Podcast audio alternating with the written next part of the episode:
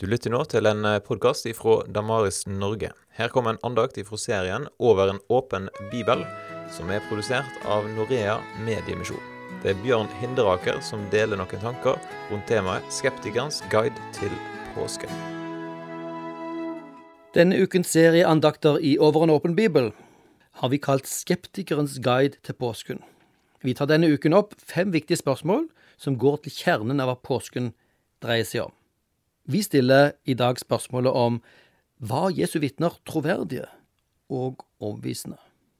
Det er interessant at den kristne troen er faktisk ganske avhengig av de første vitnene. Hvis ikke de er å tro på, så forsvinner grunnlaget faktisk for den kristne troen. La oss reflektere litt over hva dette med et vitne er for noe. Hva er et vitne? Jo, et vitne er en som har kunnskap gjerne direkte kunnskap om noe, og derfor kan opplyse oss andre. Et vitne er en som vet noe, og som forteller oss noe om det som han faktisk har kunnskap om.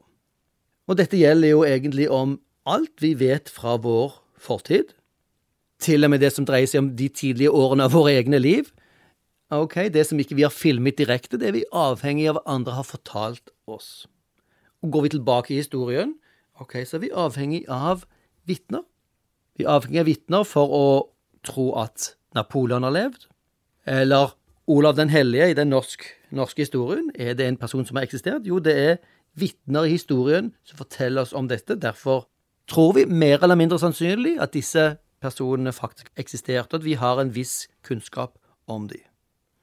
Det er interessant at vitner har så sentral rolle i rettssaker.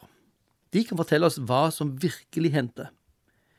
De kan skjære gjennom tåken av uvitenhet, eller tåken av løgner som påstås. Vi er avhengig av vitnene for å komme til sannheten.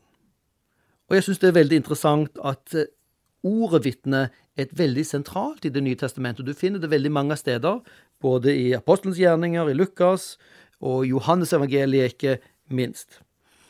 Vi ser at Jesus, når han taler til sine disipler rett før han reiser fra dem, så sier han at dere er mine vitner, spesielt til de tolv.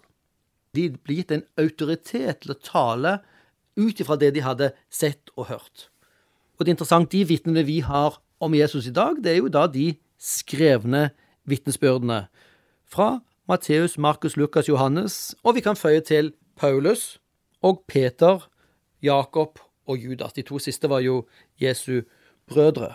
Men alle disse hadde møtt Jesus og gir oss vitnetilgang og kunnskap om hvem Jesus faktisk var. Og så er det viktige spørsmålet, ja, hvilke grunner har vi for skepsis til disse vitnene? For vi trenger alle en viss sunn porsjon skepsis. Vi trenger å lytte kritisk. Men vi kan jo ikke bare avvise vitner fordi vi ikke liker det de sier. Hvis du inviteres til en jury, så kan ikke du bare ved hjelp av dine fordommer avvise vitnesbyrd. Mange moderne mennesker ser jo på de første kristne som veldig primitive, fulle av fordommer, naive og blindt troende. Ja, men er det en fair måte å vurdere de på? Veldig interessant historien til Jim Warner Wallace, en cold case-etterforsker fra USA, som var ateist, og som brukte sin kunnskap om et kritisk undersøkelse av vitner, brukte han det på evangeliene. Han var veldig skeptisk, han var selv altså ateist på forhånd. Når han begynte å undersøke evangeliene kritisk, slik han gjør med vitnesbyrd i en rettssak, så ble han etter hvert helt overbevist om at disse taler sant. De bærer akkurat et slik preg som vi vil forvente av vitner. Og spesielt det også at de faktisk ikke sa helt det samme. På overflaten synes det å være en del motsetninger, men hvor de i sitt sentrale vitnesbyrd faktisk var helt samstemte, som styrker deres vitnesbyrd. Jim Warner Wallace ble kristen etter en kritisk undersøkelse av disse vitnene. Og det er interessant. Det kan du ta til deg. Du kan også søke om J. Warner Wallace på nettet.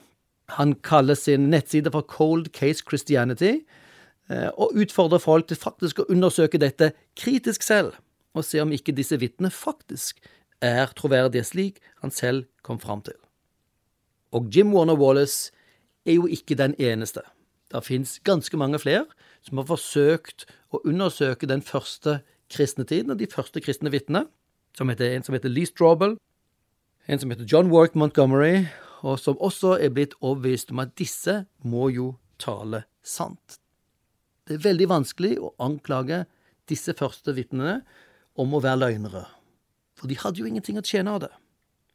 Og vi vet at flere av de faktisk ga sitt liv for denne troen. Så var Jesu vitner troverdige og overbevisende? Jeg og mange med meg vil si ja, og de var ganske overbevisende. La oss be sammen. Himmelske Far, vi takker deg for din godhet, vi takker deg for disse første troverdige vitnene, at de ikke tjente sin egen sak, men at de beseglet sitt vitnesbyrd, flere av de med sitt eget blod. Sånn at vi har desto større grunn til å kunne fatte tillit til dem, og tro at de faktisk formidlet hva de selv hadde sett og hørt. Sånn at vår tro ikke bare skal være basert på rykter og formodninger, men på pålitelige vitner. Amen.